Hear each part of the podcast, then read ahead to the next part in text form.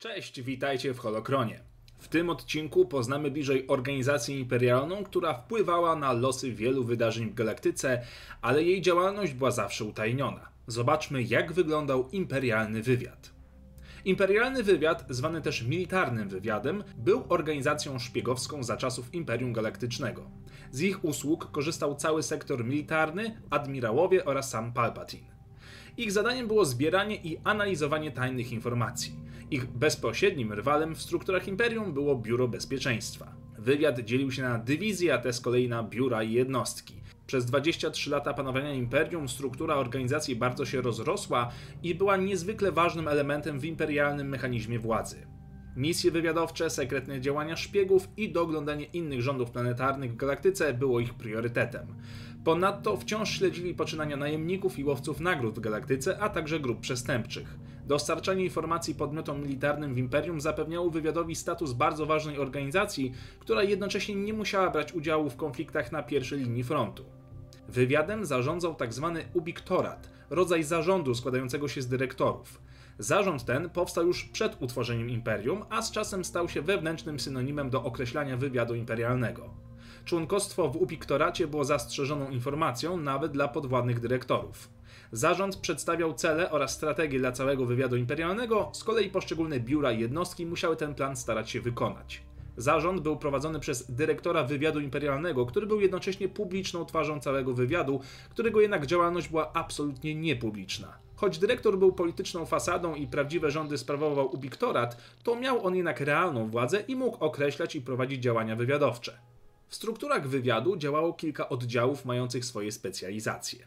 Tak zwany oddział dostosowań był niejako formacją Black Ops, elitarnym oddziałem do zadań specjalnych, którzy odpowiadali bezpośrednio przed członkami ubiktoratu. Jeżeli jakaś sytuacja w strukturach wywiadu wymykała się spod kontroli, wysyłano tam takowy oddział, który przywracał porządek. Ciekawostką jest, że rozkazy kierowane do członków oddziału dostosowań zawsze miały jedynie formę werbalną, innymi słowy, nigdy nie były zapisywane analogowo czy cyfrowo. Rozkaz padał jedynie z ust danego dyrektora i nie było po nim żadnego śladu. Innym działem wywiadu było z kolei Biuro Wewnętrznej Organizacji, tzw. Tak INT.org. Był to aparat wewnętrzny, którego celem było bezpieczeństwo całego wywiadu imperialnego, zarówno w skali szpiegowskiej, jak i operacyjnej oraz z punktu widzenia bezpieczeństwa fizycznego. Agenci należący do tego sektora słynęli z nienagannej kultury oraz bezwzględności. Mimo funkcji, jaką pełnili, cieszyli się poważaniem i szacunkiem innych oddziałów oraz biur. Informacje zbierane wewnętrznie przez int.org były rzadko udostępniane całemu wywiadowi, z kolei były one transparentne dla wszystkich członków int.orgu, czyli każdy agent dzielił się informacjami ze wszystkimi innymi agentami.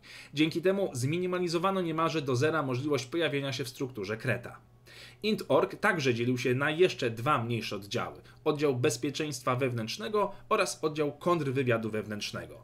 Pierwszy, zwany jako INTSEC, był niejako policją bezpieczeństwa i jako jedyna struktura całego wywiadu imperialnego posiadała oficjalne umundurowanie. Natomiast oddział kontrwywiadu wewnętrznego, czyli INT-CON, to miniaturowy wywiad imperialny, który jeszcze dzielił się na trzy jednostki analizy, operacji i wywiadu. Granice między poszczególnymi strukturami były tu jednak dosyć luźne. Wracamy teraz do głównych oddziałów wywiadu jako takiego. Obok oddziału dostosowań oraz biura wewnętrznej organizacji istniało biuro analizy. Zadaniem tego biura była obsługa ogromnej ilości danych z dziesiątek milionów źródeł. Dane te należało zanalizować pod względem wzorców oraz trendów, opracować prognozę i odesłać raport do wywiadu. Tutaj oczywiście także istniała wewnętrzna struktura.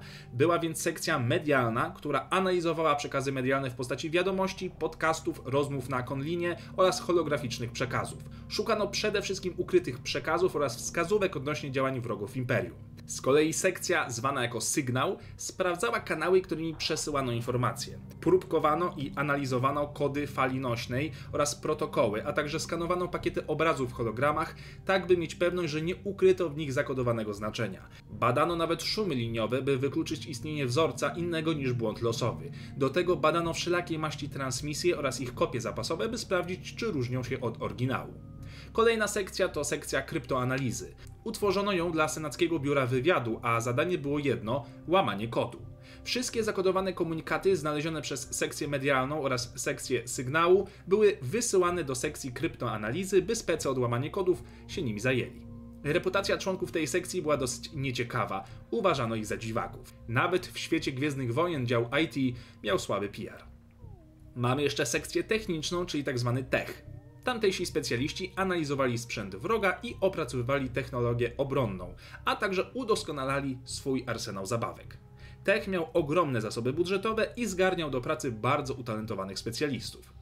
Ostatnia sekcja wchodząca w skład biura analizy to sekcja przesłuchań. Agenci tej sekcji byli odpowiedzialni za postępowanie z wrogimi agentami schwytanymi podczas operacji wywiadu. Przesłuchania nie były tak brutalne jak w biurze bezpieczeństwa, niemniej znali się na robocie i starali się z każdego więźnia wyciągnąć potrzebne informacje. Czas na omówienie biura wywiadu. Ich zadaniem było pobieranie informacji z biura analizy, przefiltrowanie ich przez opinie ekspertów i określenie, co planuje wróg imperium. Tak zwany oddział wywrotowy przewidywał trendy panujące we wrogich grupach.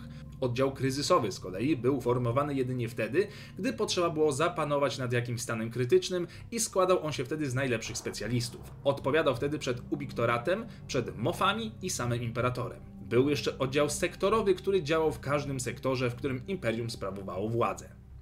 Jeszcze jedną sekcją biura wywiadu była sekcja komunikacji zewnętrznej, tzw. Tak EXCOM.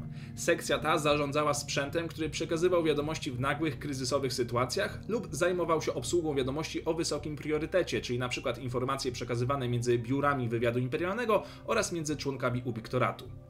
Ponownie wracamy do głównego podziału na biura. Kolejnym jest biuro operacyjne, które jako jedyne nazywano po prostu biurem. Operacyjni zajmowali się, jak się można domyśleć, tajnymi operacjami. Tutaj także mamy sześć sekcji czy działów, z którego składało się biuro operacyjne. Dział nadzoru obserwował poważne zagrożenia dla imperium, sortował informacje i wybierał podejrzanych zamieszanych w działalność antyimperialną. Mimo bardzo niewielkiej ilości agentów, dział ten wykazywał się zabójczą dokładnością. Kolejny oddział to tzw. Tak RENIK. Zadaniem tego działu było przeprowadzenie operacji wewnątrz rządów imperium. Specjalizowali się w identyfikacji i demontażu operacji wywiadowczych wroga.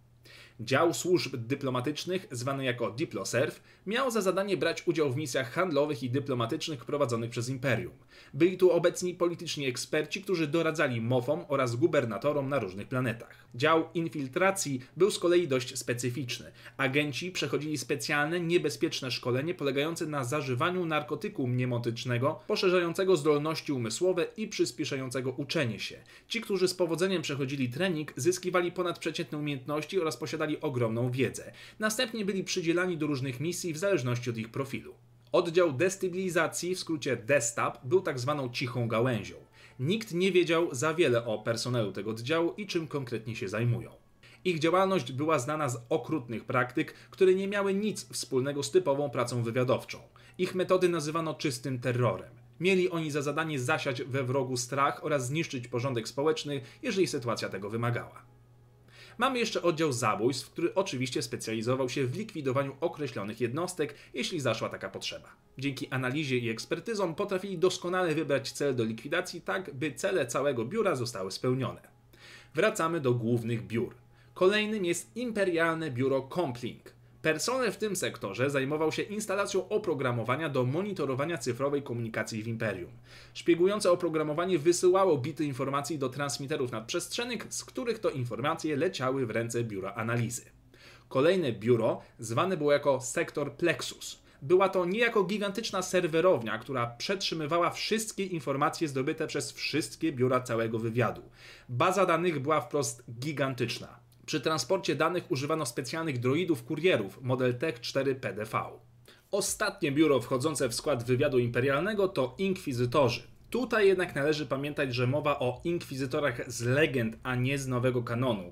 Nie mają oni za wiele wspólnego z tym, co znacie na przykład serialu Rebelianci. Najbardziej sekretna i ukryta część wywiadu zajmowała się oczywiście tropieniem niedobitków Jedi. Choć należeli do struktur wywiadu, ich misja, czyli właśnie inkwizycja, była dalece inna w procesie działania niż biura wywiadu. Wywiad imperialny był odpowiedzialny za ogromną ilość operacji, które wpływały na losy galaktyki.